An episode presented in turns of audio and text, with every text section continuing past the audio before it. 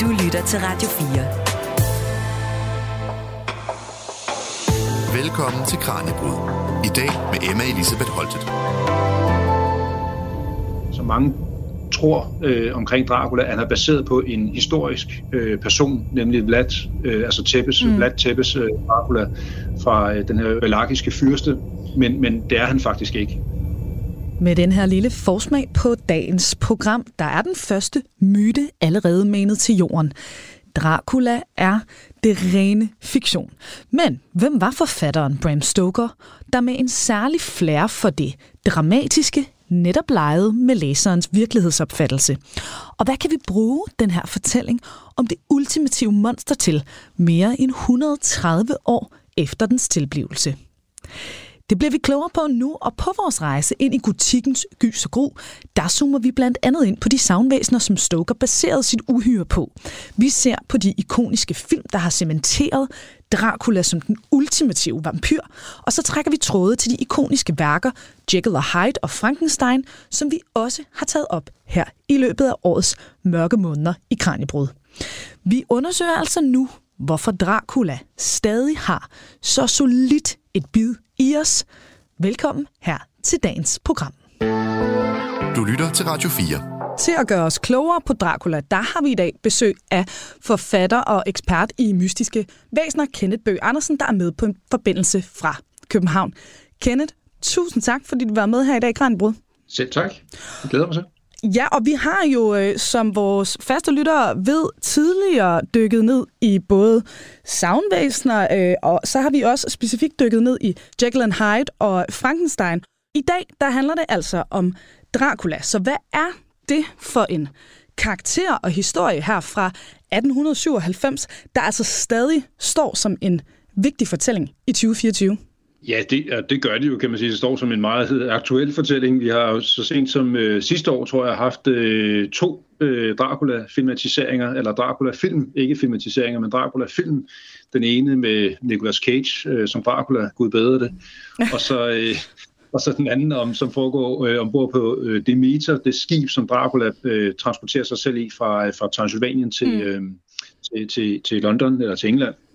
Øh, Dracula er jo den, den mest berømte øh, gyserroman nogensinde. Øh, den mest kendte, den mest øh, kendte gyser, øh, hvad hedder monsterfigur, vi overhovedet har. Øh, til Halloween havde jeg besøg af tre Draculaer. Ja. øh, så, så han lever jo i bedste velgående, øh, selvom han er en, en, en gammel, øh, gammel figur efterhånden. Og så er det jo en historie, som, som vel også er berømt på den måde, at, den er, at alle kender Dracula, men det er måske i virkeligheden den roman, øh, hvis vi snakker de, de tre store klassiske gyserhistorier, altså Frankenstein, Jekyll og Hyde og så mm. Dracula, mm. så tror jeg, de, de fleste har lidt en formodning om at anes om, hvad Frankenstein og Jekyll og Hyde handler om, men faktisk er der ikke særlig mange, der ved, hvad Dracula egentlig handler om. Ja, det er noget med en vampyrgrave, men, men, men det er jo kun det. Men, men hvad er handlingen egentlig i Dracula? Den, den tror jeg, der er mange, der ikke er klar over. Og lad os lige starte med det så, fordi altså, hvad er det egentlig, Bram Stokers Dracula-fortælling, den så rummer? Hvad er, hvad er handlingen i, i selve værket her? Øh, jamen, den, øh, den starter jo med en, øh, en, en stakkels, vil jeg sige, engelsk sagfører, som, øh, som rejser til, øh, til Transylvanien, øh, Øhm, øh, Jonathan Harker. Øh, han skal assistere en, øh, en, en klient, en gammel greve med et huskøb i London. Den her øh, greve, der så bor på en forfalden borg i, i de i de mere utilgang, utilgængelige egne af, af, af de transvenske bjerge. Han vil gerne flytte til London, og, øh, og Harker han træder så ind øh, på den her borg og bliver budt velkommen af, af den gamle greve Dracula. Og da han træder derind, så træder han jo simpelthen ind i øh, et mareridt, der ingen ende vil tage. Øh, og det bliver værre og værre. Det starter fint nok. Øh, greven er, er, er høflig og flink og elskværdig, øh, men det går efterhånden op for ham, at der er noget øh, helt galt, øh, både øh, med stedet og med hans vært. Og, og at han simpelthen måske ikke slipper levende ud derfra. Mm. Øh, men det er jo kun den første del af historien, fordi så, så ryger hele handlingen faktisk til, øh, først til Whitby, en lille havneby nord for, for London, og senere øh, til London, hvor at, øh, at Dracula øh, simpelthen begynder, øh, vi følger en gruppe mennesker, som, som, øh, som øh, har nogle forskellige relationer til hinanden, og som begynder at opdage, at der er noget helt galt i London. En stor, stor ondskab er, er kommet til byen, og, og, øh, og den har måske også øh, kigget øh, på dem. Øh, og så bliver det simpelthen den her, øh, øh, hvad kan man sige, det her opklaringsarbejde. Hvad er det, der foregår? Og, og, og ja, hvem er jægeren, og hvem er de jagede? Altså er det Dracula, der er efter dem, og de samtidig er efter Dracula? Øhm, og det er simpelthen resten af bogen, der, øh, der, der handler om, om den her jagt og jagten på, øh, på henholdsvis Dracula og menneskene. Og hvad er det ved den her historie, som egentlig fascinerer dig allermest? Altså, hvad er det fedeste, synes du, ved Dracula-fortællingen? Jamen, det, det er blandt andet Dracula-figuren. Mm. Altså, han, han er en vild skabning. Øhm, og jeg synes, at øh, der, der bør man også gøre sig selv den tjeneste og, og læse også den originale mm. Dracula, fordi han er, er måske også i de filmatiseringer, han er jo den mest filmatiserede øh, romanfigur nogensinde øh, på, på, sammen med Sherlock Holmes. men, men er måske også, øh, også blevet gjort meget teatralsk og, og fjollet og ikke måske så uhyggelig, og, og det er han faktisk. Mm. Øhm, og han er ond, øh, han er sadistisk, han, øh, han er også en, en, jeg vil ikke sige en stakkel, men han er, jo, han er jo ensom på sin egen mærkelige måde deroppe i den her borg. Det er jo faktisk derfor, han gerne vil flytte til London. Det er ikke for at, at, at æde en masse mennesker, der så bliver til vampyrer og sprede sin, sin smitsomme sygdom på den måde. Øh, det virker som om, han egentlig bare gerne vil have selskab på sin egen øh, øh besynderlige måde, fordi han er jo en, en, en vanvittig, øh, han er jo en vanvittig karakter. Øh, det er sådan en ting, der, der er fed, fedt ved historien, og det andet er simpelthen de andre karakterer, man møder. En karakter som Van Helsing, den her berømte mm. vampyrjæger fra, fra Amsterdam, som er en, øh, en, en fantastisk skikkelse, og som man kommer til at holde meget af øh, igennem bogen. Og vi skal nok vende tilbage til karaktererne, og øh, hvad, hvad de ligesom kan være, især i forhold til fortælling. Øh, i forhold til sådan tematikkerne, altså som du siger, vi har jo snakket Frankenstein og Jekyll and Hyde, øh, og, og de var jo altså nogle fortællinger, hvor man kan sige, der sådan er nogle meget direkte store sådan samfundstematikker, men også nogle store sådan personlige, øh, sådan relevante tematikker, man kan tænke på sig selv som menneske. Hvor, hvor er monstret i mig, og hvordan er mit plads i samfundet? Er jeg outsideren, ligesom Frankenstein osv.? I forhold til Dracula, der er det måske lidt sværere at få øje på noget sådan lignende, som man kan gribe fat i, der kan forklare den her fascination, ud over det her sådan vanvittige uhygge og, og, og sådan helt vildt ikoniske monster, som Dracula jo også er. Er der noget sådan samfundsmæssigt eller personligt, folk også griber ud i efter den her fortælling, eller er det simpelthen det her med gys og gru, og at vi bare synes, han er så fed, fordi han er mega skræmmende? Jeg, jeg tror meget af det er det, øh, fordi det, det er rigtigt, som du siger, den, den behandler ikke på samme måde som de to andre sådan nogle øh, eksistentielle øh, temaer på, på den høje klinge det, det er et, et det, det er mere sådan et mørkt, grunt eventyr. Øh, øh, og du har nogle helte, og du har skurken, og så har du så jo en rigtig vild skurk øh, på mange måder, øh, fordi man jo starter simpelthen med at være i selskab med ham, mm. og man bliver introduceret for ham, du bliver inviteret ind på borgen, så, så hele, øh, den, den, hele det episke og ikoniske øh, setup omkring det at være på Dracula-borgen er, ret unikt, øh, og tror jeg meget det, der, der, der øh, både sætter, starter med at sætte stemningen for historien, men også det, der er med til at, at, at den simpelthen lever, det er, det er de første 100 sider af Dracula. Øh, jeg synes så alligevel, at når man sådan går, går i kød på den, så handler den også om nogle virkelig store ting. Den handler jo den handler om, om kærlighed, den handler mm. om, om vanvid. Øh, altså vanvid er jo sådan for mig det, det, det tematiske øh, gennemgående øh, i den her historie. Øh, vi, vi er i selskab med, med, med sindssyge patienter. Mm. Øh, Jonathan Hart har følelsen af at miste forstanden. Øh, folk mister også sig selv. Der er jo, der er jo øh, den her Lucy, øh, som bliver, bliver bit, bliver Draculas første offer, da han kommer til England, som jo, altså transformationen hen mod at blive en vampyr, altså miste sig selv og blive til et uhyre, ligger jo også i, i historien. Så den handler også om, om, om livet og døden, og, og det gode og det onde. Så, så den handler faktisk om, om på den måde nogle ret store ting. Mm. Og lad os så tage fat i de her karakterer, og hvad de, som du siger, altså hver især symboliserer jo meget forskellige ting, ikke? Altså, hvis vi tager Harker først, altså hvad er han for en person, og hvordan udvikler han sig også igennem fortællingen? Ja, det starter med hans dagbog, som man, øh, som man, man læser. Øh, hele, hele Dracula-fortællingen består kun af dagbøger og mm. visudklip og, og breve og sådan noget, som er stykket sammen til den her fortælling. Og det er jo hans dagbog, man, man læser, og han kommer jo den her uskyldige, nyudklækkede sagfører og med sin første sag, og, og det er jo en sag, han aldrig nogensinde skulle have taget. Øh, og, og, øh, og det bliver jo ren overlevelseskamp øh, for ham, da han til sidst øh, indser, øh, at, at det her, den her borg er, er et, et frygteligt sted, et grufuldt sted, og, og, og hans vært er ikke et menneske. Øh, men, men, øh, men bliver også en af, fordi han overlever jo faktisk, mm. øh, og, og vender tilbage til, til London, hvor han bliver en del af den gruppe, der så skal få ram på, på, på Dracula. Så, så han er jo også den, der ligesom trodser sin frygt mm. øh, og, og, og tager kampen øh, op mod... Han, altså han ved jo om nogen, øh, hvor grufuldt det her væsen øh, er, han skal, skal sættes op mod. Fordi at, at, det er også det, der siger meget om Dracula i starten, at han, han jo simpelthen leger med den her sagfører, mm. som, som øh, katten leger med musen, ikke? og han nyder det. Øh, og, og, og det siger noget om, hvor, hvor sadistisk øh, øh, den her greve også er.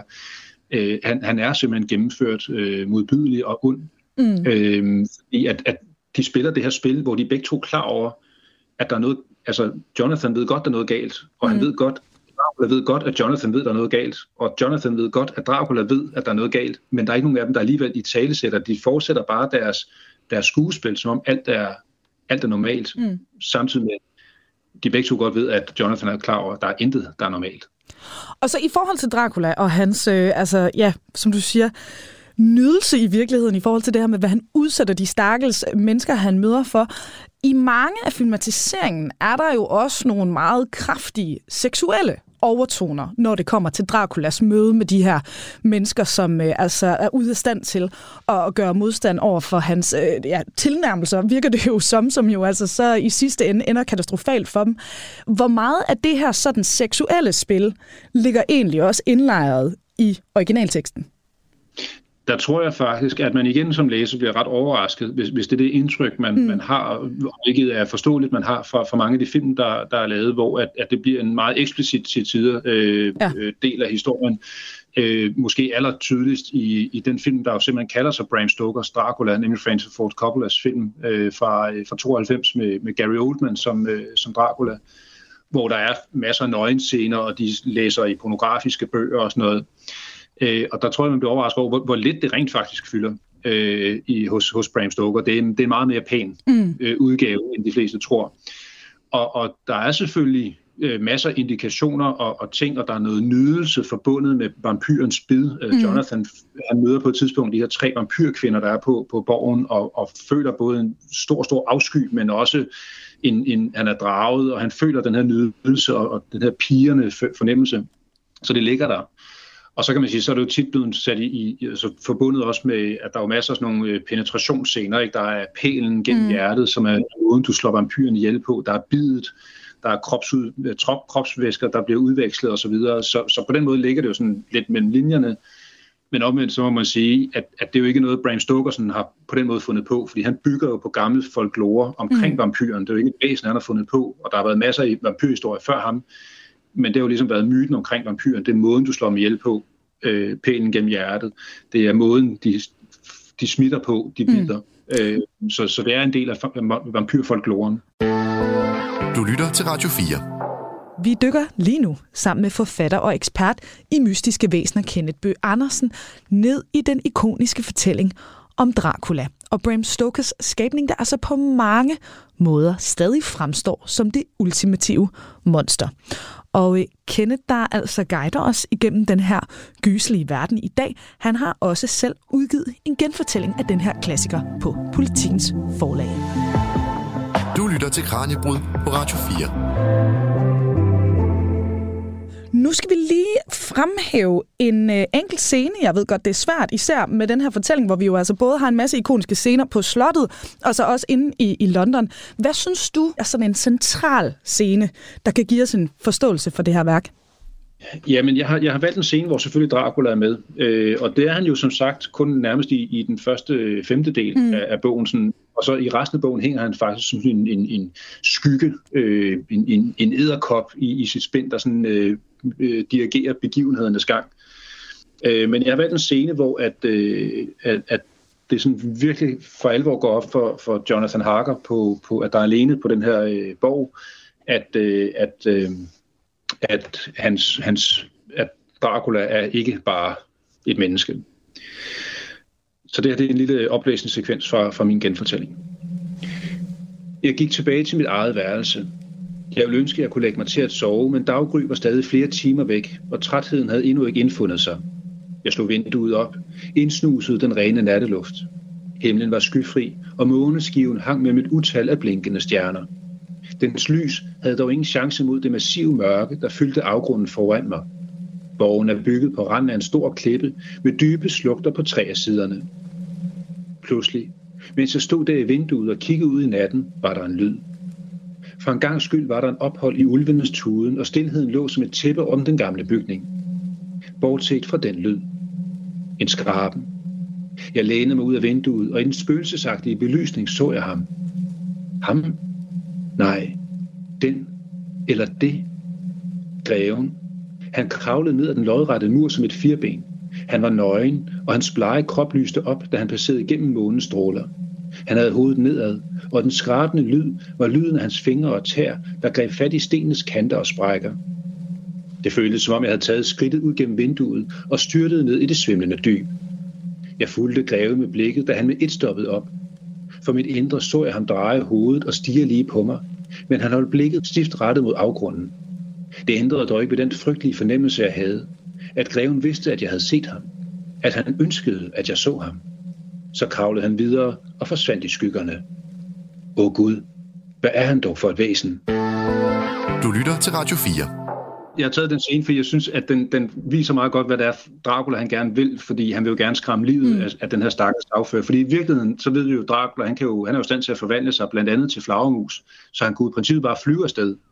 Men han, men han, han, han vælger simpelthen at kravle ned af den her borgmur, og, og vælger lige, at, at, at, at altså, sagføren skal se ham, øh, at han ikke er noget menneske.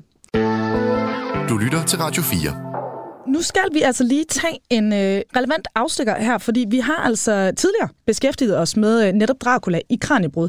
Dengang der havde vi besøg af horrorforsker Mathias Klasen fra Aarhus Universitet, og han er leder af det, de kalder Recreational Fear Lab, hvor de blandt andet undersøger, hvorfor vi mennesker helt frivilligt udsætter os selv for gys og gro. Og her fortæller Mathias om, hvad det er, vi bruger horror til, når vi udsætter os selv for det, men også, hvornår Dracula trådt ind på det store lærred. Hvorfor er det egentlig, vi, eller i hvert fald de fleste af os, godt kan lide det her med at blive udsat for uhyggelige ting og se de her film? Jamen det er jo det store paradoks, ikke? og det er sådan set det forskningsspørgsmål, der har drevet mit arbejde i lang tid. Hvorfor opsøger så mange af os frivilligt den her type underholdning, som handler om at få os til at skrige og græde i redsel, og ja. tit så er der også en pris at betale i forhold til mareridt, eller man er nødt til at sove med lyset tændt. Ja. Men jeg tror i virkeligheden, det handler om, at vi er indrettet fra naturens hånd til at finde nydelse i den leg med frygt, som horror tilbyder.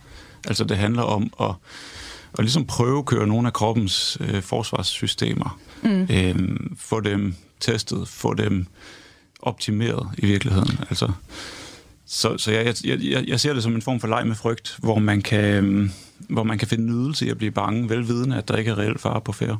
Så kan vi blive bedre til at håndtere virkelighedens fare og uhyggeligheder ved så at at lege rundt med og se dem på film.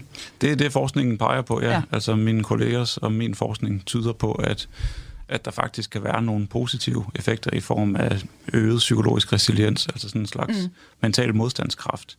At man bliver bedre til at håndtere stress og angst og frygt ved at lege med de følelser via fiktion. Ja, det synes jeg, alle teenager skal sige til deres mødre næste gang, de bliver skældt ud for at sidde og se en eller anden uh, horrorfilm sent om, om natten. Jamen, så får jeg de møder på natten. Men jo, det... Ja. Og øhm, altså, det er måske lidt svært sådan at, at fastslå helt nøjagtigt, men, men hvornår ser vi de første sådan, tegn på horror som filmgenre?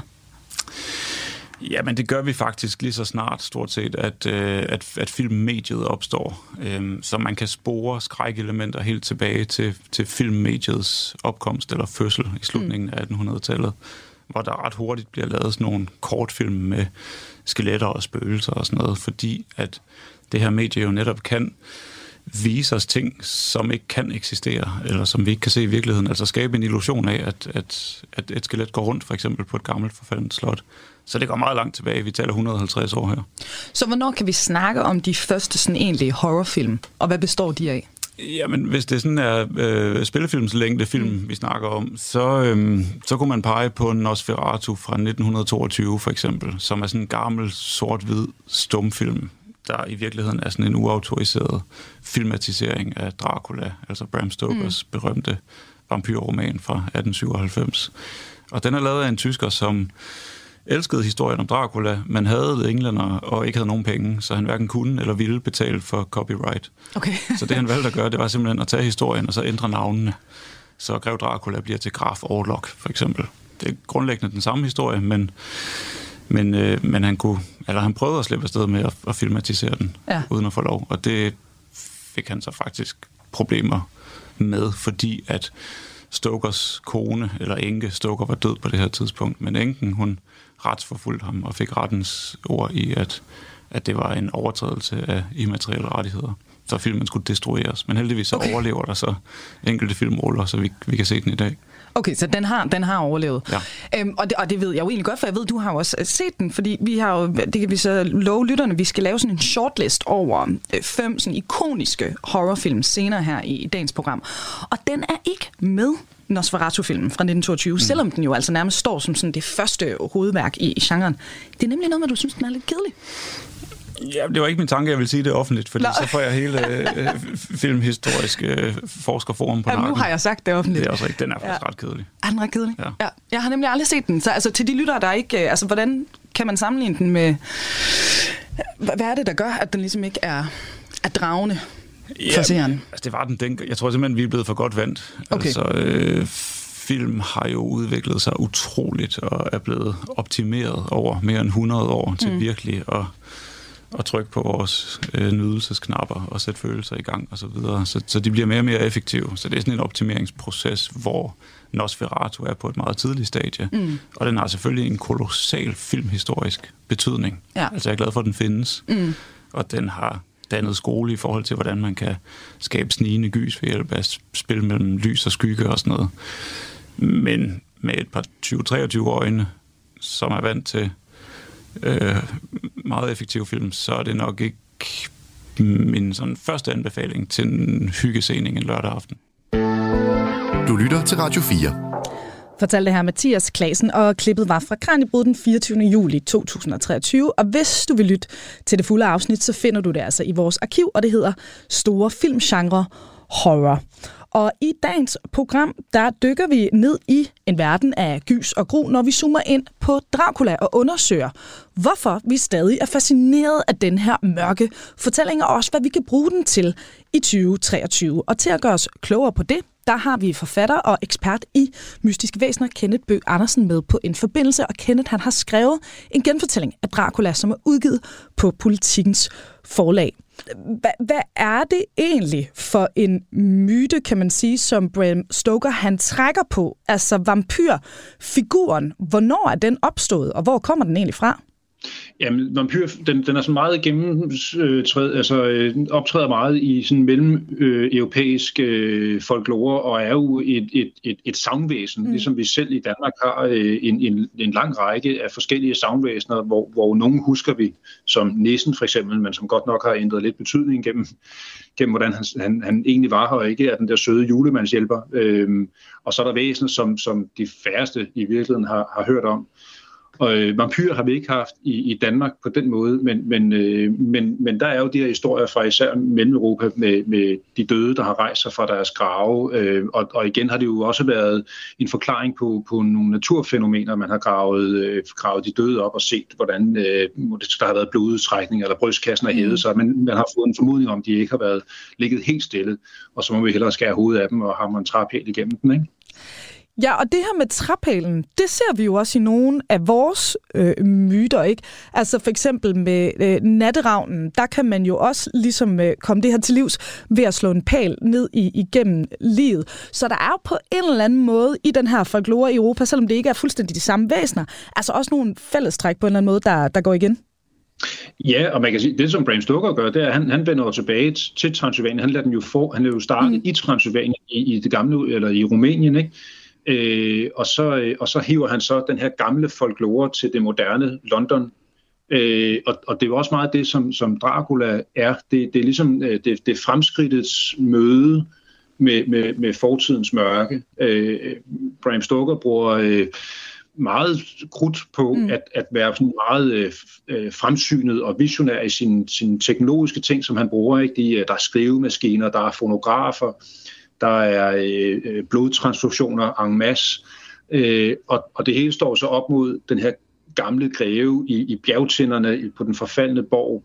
Øh, så, så, så Bram Stoker er på den måde både en, både en meget moderne forfatter, der så går, går ind i fortidens øh, mørke øh, hvilket er ret fascinerende også ved, ved Dracula.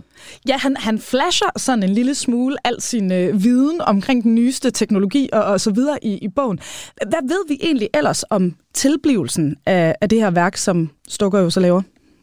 Noget af det, vi jo blandt andet ved, det er, altså i, for eksempel i forhold til, til filmatiseringer, mm. var det jo ikke på den tidspunkt, men så med dramatiseringer, det var, at, at nu, nu snakkede Mathias om, om det her med, at øh, de lavede Nosferatu, han havde ikke rettighederne til Dracula, at Bram Stoker faktisk selv lavede en, en teateropsætning af, af, af sin historie, øh, netop for at sikre sig rettighederne, fordi på det tidspunkt kunne man godt bare sætte noget op på teater, mm. uden at have rettighederne øh, til det. Så, så for at sikre sig dem, så lavede han selv et teaterstykke af Dracula, som varede øh, over 6 timer. Hold da øh, det, det blev annonceret en halv time før tæppefald. Der var to betalende publikummer. Det er kun blevet sat op den ene gang. øhm, jeg tænker, at det har været en tung forestilling at være, øh, være vidne til. Øhm, men, men Ja, men der er, der er, altså Dracula er jo en af de bøger, der er blevet skrevet mest om og mm. tolket mest på. Øh, og det er jo blandt andet på grund af, af den måde, den er fortalt på, som jeg så i øvrigt har valgt at gå lidt væk fra i min genfortælling. Men det her med, det er jo en epistolær roman. Altså det, det der med, at den er, den er sammenstykket af dagbøger, telegrammer og breve og avisudklip. Og så sidder man selv som, som læser og ligesom stykker historien sammen. Mm. Og, øh, og der kan man også godt fornemme, at Bram Stoker selv har måske på visse tidspunkter mistet overblikket over sin roman, fordi der er simpelthen fejl i nogle af datorerne og, og ting, der ikke øh, passer sammen. Det er også en lang roman, den er jo øh, 600 sider lang. Øhm, men, men det er simpelthen en, man, man, man selv ligesom som læser sidder og, og stykker sammen, og dermed også kan tolke på, fordi hvad nu hvis det ikke er sandt, det der står? Mm.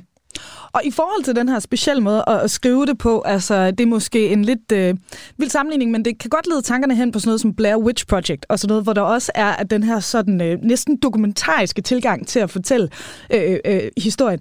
Har der på noget tidspunkt i hans samtid været sådan snak om, eller tvivl om, hvorvidt det her, det kunne bunde i noget ægte, eller har man været helt med på, at, at det var 100% fiktion? Øh, det er meget interessant, fordi at, øh, at den bliver lidt indledet med en, en, et forord af Bram Stoker, hvor han, øh, hvor han, han, han ikke direkte skriver, at det er sandt, men der kommer nogle, altså den, den har ligesom sådan en, øh, nu skal I bare høre, mm. hvad der er sket af vilde ting. Men, men øh, her for nogle, for nogle år siden, det er ikke så lang tid siden, så blev man opmærksom på, at der øh, på Island fandtes en helt anden udgave af Dracula, som ikke hed Dracula, men som hed Mørkets Magter, øh, men som stadigvæk var, var, altså, havde Bram Stoker som, øh, som forfatter. Mm. Og, øh, og den var også den var meget ligesom Dracula. Den starter også med, han hedder så ikke Jonathan Harker, der hedder han Thomas Harker, øh, der tager op på borgen og er der sammen med Dracula. Der er de så ikke alene. Der, øh, der sker nogle menneskeoffringer nede i, i bogkælderen øh, med, med Draculas udøde slætning og sådan noget. Men, men det er de første 200 sider. Det er en meget kort roman. Den er kun en tredjedel lang som, som Dracula. Øh, og de første 200 sider foregår så på borgen. Og de sidste 50 sider foregår så i England, mm. øh, og de sidste 50 sider er, er ret forfærdeligt fortalt. Altså det, det er nærmest en referat bare af en bog. Og man forstod simpelthen ikke, hvad, hvad det var for en bog. Hvor kom den fra? Øh, hvem, øh, hvordan var den opstået? Den var udgivet som følge tong i, i starten af 1900-tallet øh, i den her islandske avis. Og, øh, og så blev den så oversat til, til engelsk, og da den engelsksprogede verden så opdagede den her øh, udgave, så gik det også, øh, så opdagede man så også, at der i Sverige fandtes en lignende version, men som så, hvor at den islandske version var øh, meget, meget kortere end den oprindelige Dracula, så var den svenske version næsten dobbelt så lang som den oprindelige Dracula. Og, øh, og man er simpelthen ikke helt klar over, hvad, hvad, hvad det er med de her to versioner, men det, det formentlig er, det er, at den svenske udgave er en tidlig, er tidlig udkast af Dracula, altså et, et first draft, mm. om man vil, øh, som på en eller anden måde er havnet i hænderne på en eller anden redaktør, efter udgivelsen af den oprindelige Dracula, underligt nok, fordi den er udkommet tre år efter, at uh, Dracula blev udgivet, men så simpelthen er udkommet som, som følge tong først i Sverige, og så i en kraftigt uh, omskrevet, bearbejdet version i Island senere. Og i det forår, der skriver til, til den islandske udgave, mm. øh, eller den svenske udgave, der skriver Bram Stoker simpelthen direkte, at hvert ord er sandt. Mm. Og han simpelthen er personlige venner med, med Mina øh, Harker og, og Dr. Seward, som er de her karakterer i, i bogen. Så altså en, øh, en forfatter med sans for det dramatiske, kan man med rimelighed kalde ham, ikke? Jo, det kan man, det kan man i høj grad kalde ham. Og så, så er der altså lige i forhold til det med, med, med filmene, som, som jo er øh, jo også meget det, man snakker om, når man snakker om Dracula, mm. så, så, så er en af de meget interessante ting, som Bram Stoker faktisk gør i sin historie, det er, at han, han jo faktisk laver det omvendte monstergreb, øh, greb, som, man, som, man, som er helt i modsætning til, hvordan man konstruerer film nu, mm. øh, hvilket er ret fedt, fordi han starter jo med at invitere direkte ind på borgen, vi er selskab sammen med Dracula, vi er selskab sammen med uhyret, og han er virkelig uhyggelig, og så forsvinder han som sagt helt ud af historien og hænger mere som den her skygge over det hele. Øh, hvor i en, i en moderne monsterfilm vil man jo gøre det stik modsatte. Du vil, du vil sådan øh, pletvis, drøbvis vise brudstykker af uhyret, klør i natten, mm. fodspor på jorden, øh, og så til sidst vil du se monstret i fuld figur. Og der gør han faktisk det stik modsatte. Mm. Og det er ret effekt. Pludselig, vi, vi ved, at uhyret er der, og vi ved, at han er uhyggelig, men nu ved vi ikke, hvor han er, og vi ved ikke, hvornår han slår til. Øh, det, det, er, det er et ret fedt greb. Og hvordan var modtagelsen egentlig af bogen i Bram Stokers øh, samtidig? Altså udover, at der måske ikke var så mange, der var friske på at se det i en 6 timer lang udgave i teateret. Hvad sagde læserne ellers til den som, øh, som bog? Jamen, den blev generelt øh, glimrende modtaget, øh, også som, som en, en, en lang roman og en rodet roman, men, men blev generelt glimrende modtaget, og, og øh, øh, Arthur Conan Doyle, øh, Sherlock Holmes-forfatteren, skrev personligt brev til, til øh, Bram Stoker og roste ham for hans, øh, hans fine vampyrfortælling. Øh, så, så den blev øh, fint modtaget. Og så kan man sige, så er det selvfølgelig øh, filmene, som, som, som Mathias også er inde på, der ret hurtigt kaster sig over sådan en som Dracula. Øh, og det her forfaldne slot og skyggerne og lyset og sådan noget, der så er, er virkelig med til at puste liv i den her udødelige vampyrkræve. Og hermed, der skal vi altså til sidste kapitel i vores undersøgelse af Dracula og hvad vi kan bruge Bram Stokers fortælling fra 1897 til her i 2024. Du lytter til Kranjebrud på Radio 4. Og vores Dracula-ekspert, det er forfatter Kenneth Bø Andersen, der blandt andet har skrevet en genfortælling af den her klassiske historie, som er udkommet på Politikens forlag. Og øh, Kenneth, altså i forhold til tilbage fra udgivelsen i 1897 og, og frem til i dag, øh, kan vi sige noget om, hvilken skiftende betydning den her fortælling har haft, eller hvordan vi ligesom har refortolket den i løbet af, af årene? Og ja, den har været igennem rigtig, rigtig mange refortolkninger, i, i, og ikke mindst som, som på grund af filmene, øh, som ligesom er kommet til at, at, at ligesom overtage nærmest øh, figuren. Mm. Øh, og hvor, hvor Dracula-romanen jo nærmest til gengæld er, er på den bekostning lidt forsvundet. Øh, øh, ærgerligt nok. Øh, men men han, men han er der jo, øh, mm. som, som, som, som nævnt. Altså, vi har haft to Dracula-filmatiseringer sidste år. Vi har, vi har, der har lige været Netflix-tv-serien øh, Dracula for, for, for nylig mm. med, med vores egen Claes Bang i, i hovedrollen som, som, som Dracula. Øh, Halloween-figur osv. Så, så han, på den måde lever han jo i, i bedste, bedste velgående. Mm. Og du har jo altså netop skrevet en genfortolkning af, af det her værk. Hvad har du ændret i forhold til Stokers oprindelige tekst. Og hvad var dine overvejelser i bag de her øh, ændringer? Øhm, ja, det, det jeg jo rigtig gerne ville med, med projektet, det var at sige, jamen igen, vi har den her kendte vampyrfigur, men ingen kender rigtigt, hvor han, hvor han egentlig kommer fra, det oprindelige materiale, Bram Stokers Dracula, det var mm. den historie, jeg gerne ville fortælle og, og formidle. Men også en konstatering af, at hvis man, hvis man læser den rigtige originale Dracula, så, så er det, den er svær at komme igennem. Den er mm. meget lang, og den er også lidt langtrukken øh, hist og pist, 600 siders øh, historie, og der, der har det med at gå lidt i stå, især de sidste 400 sider. Øh, og den vil jeg godt prøve at, at komprimere på sådan en måde, at det ikke bliver en forjaget historie, men at man og, og, og at man, at man virkelig følte dramaet, følte uhyggen, følte øh, spændingen, øh, følte vanvittet, følte ondskaben, mm. øh, som, som ligesom gennemsyrer øh, den her klassiker. Øh, I det perspektiv, der var jeg nødt til at ændre, for eksempel for telefonen, for, for det, det der med, at det er dagbøger og breve, det, det, er, det, det, det kan være en ret fed for telefon, men det, den har også nogle indbyggede problematikker, som kan spænde lidt ben for for eksempel spændingen. Mm. Fordi alting først bliver fortalt, når det er sket. Fordi så sidder de og skriver om det. Og, og derudover, så, så vi er aldrig med i situationerne, fordi situationerne altid vil være foregået. Øh, og der vil jeg godt have, at vi selv trådte ind på borgen, eller selv trådte ind der, hvor Dracula holder til, eller selv er med i krypten, når vampyren skal til at have jaget pælen gennem hjertet. Øh, det andet, man skal acceptere den, den fortælleform, det er jo det der med, at det, det kan virke sådan lidt postuleret, at, at, at alle, selv når de er, hvis de er dødeligt syge eller i livsfare, stadigvæk lige har tid til at sætte sig ned og skrive 10 siders dagbog, fordi læseren skal følge med i, hvad der, er, der foregår. Ja.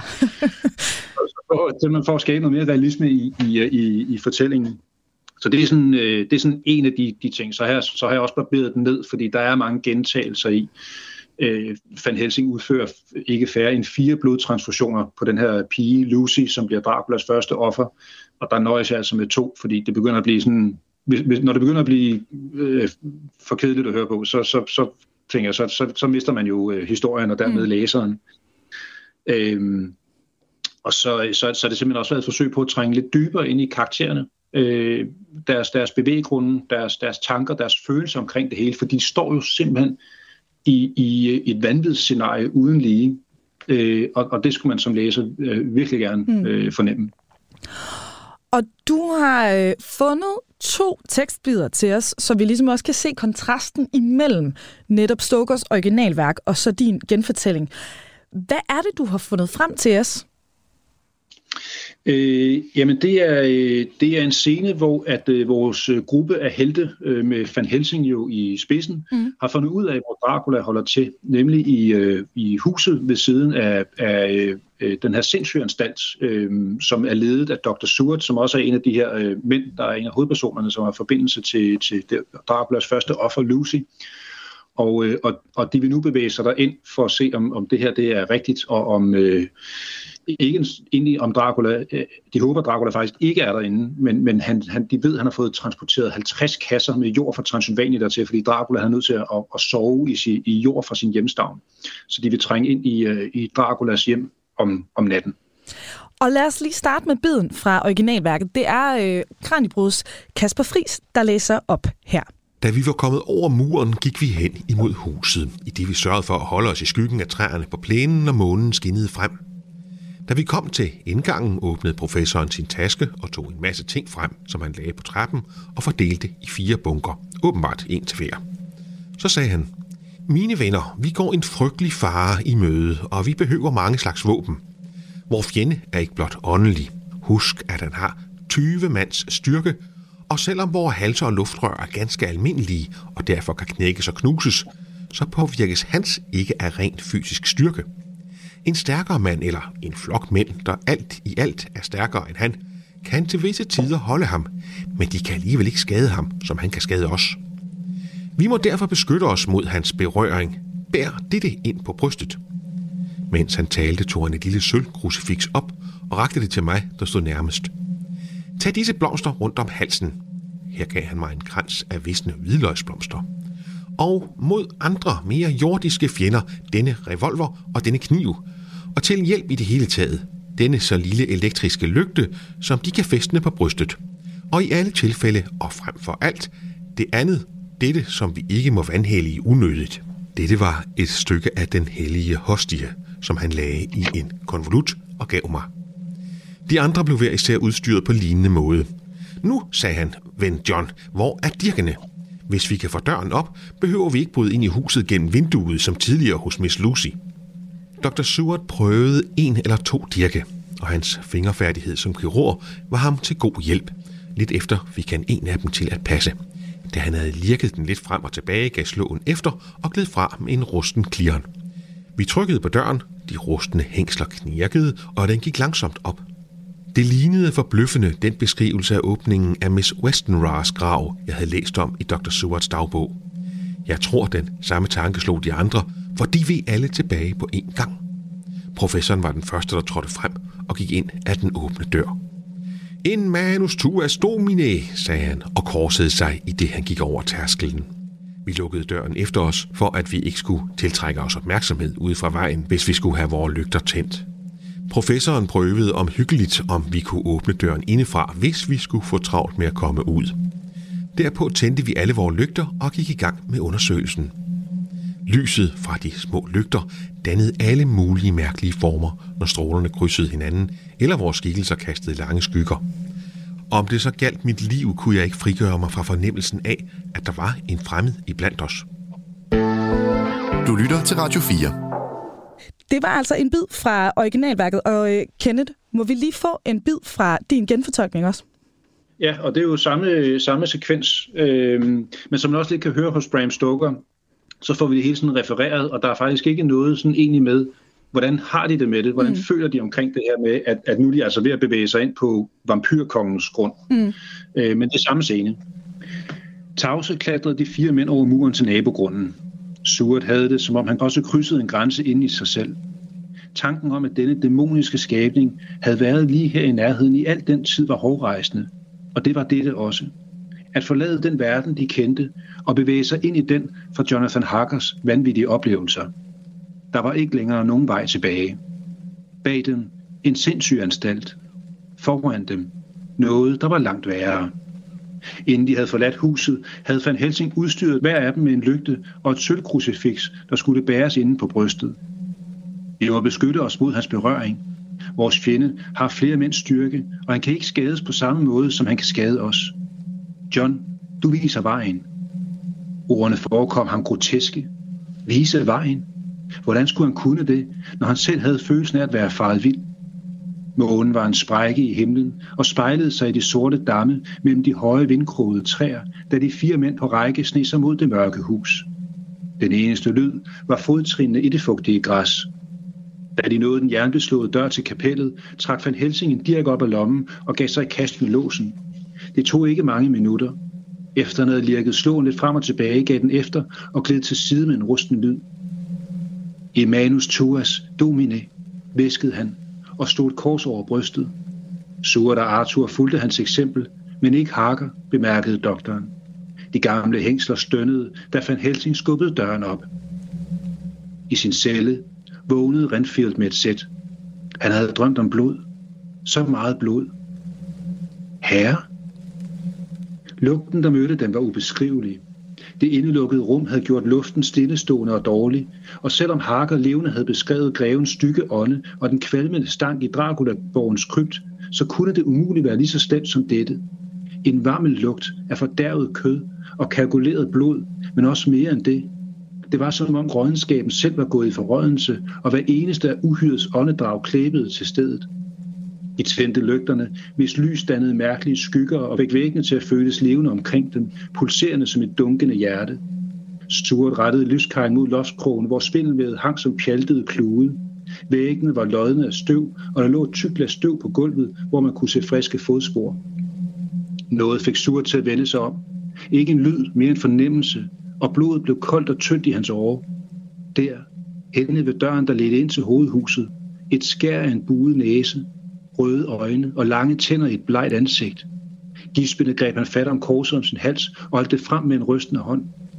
Intet skete, og da han løftede lygten, gik ansigtet i opløsning. Indbildning skabte frygt, skygger og sved i øjnene. Håbede han. Og Kenneth, som vi hører her, altså stor forskel jo på originalværket og så din genfortælling, men som vi også har været inde på i tidligere afsnit, du har jo også genfortalt både Frankenstein og Jekyll and Hyde. Hvis vi skal lave sådan en sammenligning af de her tre enormt ikoniske værker, hvilke har egentlig været den mest udfordrende at lave en genfortælling af? Øh, den mest udfordrende, det var Dracula. Mm. Øh, og det var det, fordi det var den, jeg synes skulle også ligesom skære mest til. Også den, den som er, er mest, den, den, der var den sværeste, tror jeg, at, at gøre spændende hele vejen igennem, øh, uden at gå på kompromis med den oprindelige historie. For det var det, der, der var pointen. Det var, mm. at når man havde læst min Dracula-genfortælling, så, så skulle man kende den rigtige Dracula, og ikke bare en eller anden ny version igen, ligesom alle de her Hollywood-film. Øhm, og, øh, og, og det allersværeste, det var, øh, det var faktisk slutningen. Øh, fordi i, i mange hundrede sider har det jo været jagten på Dracula, og, og den her frem og tilbage mellem, hvem er det, der har krammet på hvem. Og der må man bare konstatere, at når man når slutningen i Dracula, efter 600 siders læsning, hvor de sidste 300-400 sider har været måske lidt svære at komme igennem, så, så er det en bog, der, der måske indeholder den, den mest antiklimatiske slutning øh, ever. Og, og, det, og der, der, er jeg sådan lidt, jeg, jeg skulle både være tro mod Stokers version, men samtidig var det også en slutning, jeg ikke synes, jeg kunne gøre på den måde. Øhm, og der har løsningen for mig så simpelthen været netop i, øh, i øh, Stokers øh, brug af dagbøger og breve, fordi øh, det er Lucy, der fortæller øh, hele opgøret med Dracula øh, i sin dagbog, men, men som sagt, hvis nogen skriver en dagbog, kan man så være sikker på, at det, der står, er, er sandt. Ja. Øh, og så skal vi ikke afsløre mere her.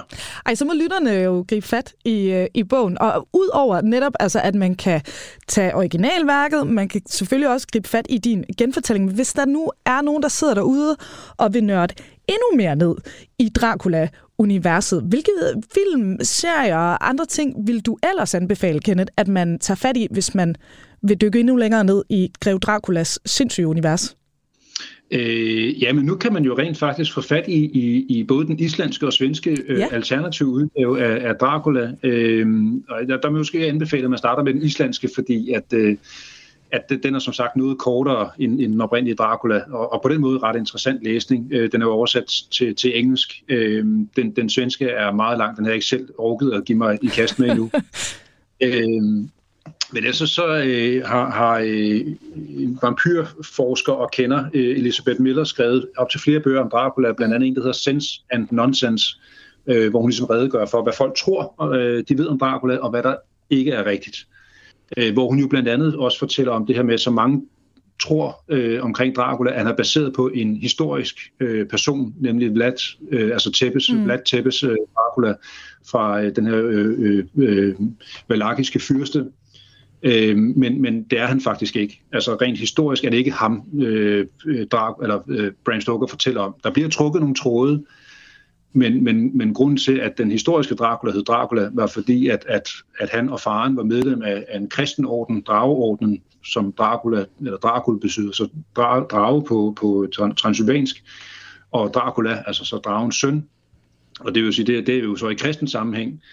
Og selvom han godt nok spidede sine ofre og ikke var det mest festlige fyr på den måde, så er der ikke noget i Dracula om, at, at han spidede sine ofre, og, og på den måde er, er der en overensstemmelse mellem de to. Det er øh, i, i, i Dracula bogen, der får, øh, der grunden til, at Dracula han simpelthen bliver Dracula, mm. det bliver det overnaturlige væsen, er, er historien om, at, at djævlen øh, at der, at der er flere, der dyrker djævlen, og, og, og der er 10 lærlinge, der bliver udvalgt til at være djævlens lærlinge, og en især bliver hans øh, øh, tætte følger, og det er så Dracula, der får de her øh, mørke kræfter. Øhm, og, og der er det simpelthen, at, at Bram Stoker var gået i gang med at skrive sin historie om Dracula, da han så læser en, en, en bog, hvor at det her Dracula-navn optræder, og, og så er det så, at han tager, tager det til sig i den tro, at Dracula, det betyder djævlen. Øhm, og, og han var som sagt på det tidspunkt allerede i fuld gang med sin vampyrfortælling, og, og hvor han jo så ikke hed Dracula på det tidspunkt, der hed han Count Vampire. Så, så jeg tænker, det, det var meget heldigt, at han, han faldt, over, øh, faldt over navnet Dracula. Du lytter til Radio 4. Det er jo meget sjovt lige for at binde en krølle på, at, at Dracula ligesom står som den store vampyrroman, og det er det også. Mm. Øh, men det er jo ikke den første vampyrfortælling. Der har været masser og nu har vi jo i tidligere program snakket blandt andet om Frankenstein, og den her berømte sommer i, i Schweiz, hvor, øh, hvor det regner, og de sidder og fortæller gyserhistorier, og Mary Shelley så finder på historien om Frankenstein. Og der sker der jo faktisk det, at, at øh, en af de andre gæster, øh, nemlig den her læge, øh, John William Polidori, han også finder på en historie. Han, han finder faktisk på en vampyrhistorie, som, som han simpelthen kalder The Vampire, og skriver den, og den udkommer og bliver faktisk en ret stor succes. Øh, og det er ligesom den historie, man siger, der er den, der grundlægger hele den moderne vampyrfortælling, hvor at vampyren for første gang optræder som en aristokratisk øh, skikkelse, og ikke bare det her øh, gustende monster ude i mørket, men faktisk er, er et veltalende, dannet, øh, klogt øh, uhyre. Så masser at, at nørde ned i, både i forhold til folkloren, men altså også tilblivelsen af den her moderne vampyr og, og Dracula-karakter, hvis der er nogen af lytterne, der har lyst til det. Afslutningsvis, Kenneth, vi skal som altid runde af med dagens lektion, så hvis der nu er én ting, du håber, lytterne skal tage med fra fortællingen om Dracula, hvad skal det så være? Jamen, jeg tror, det, altså, det ville skulle være, øh, at, at man øh, ligesom lægger alle, alle Hollywood-historierne øh, mm. af sig og, og, og lærer den, den rigtige Dracula at kende, og som faktisk er en historie, øh, altså er en, et stort eventyr, en stor historie om, om nogle store temaer, øh, en, en gribende fortælling om nogle, nogle mennesker, man, man lærer at kende, og, og som, som jo handler om, om simpelthen livet og, og døden. Kenneth Bøh Andersen, forfatter til Dracula genfortalt, men også, som vi har inde på, Jekyll and Hyde genfortalt og Frankenstein genfortalt. Tusind tak, fordi du var med og gør os klogere igen i dag. Selv tak, det var en fornøjelse. Det her er Kranjebrud på Radio 4. Det bliver hermed ordene i dagens program. Du finder som sagt flere afsnit med Kenneth i Kranjebrudarkivet, fordi det er nemlig det sidste af i alt tre programmer om treenigheden, når det gælder de gotiske gyserklassikere, for udover Dracula, der har vi altså også undersøgt både Jekyll og Hyde og Frankenstein-fortællingerne. Og de to tidligere afsnit, de er sendt i januar og ligger altså klar, så du kan bare lytte til dem med det samme. Vi er tilbage på mandag kl. 12.10, hvor vi dykker ned i Nordic Waste-skandalen og spørger, hvordan gik det så galt? Men indtil da, der er der ikke andet tilbage end at sige på genhør, og tak fordi du lytter med. Mit navn er Emma Elisabeth Holtet, og Kranjebrud er produceret af Videnslyd fra Radio 4.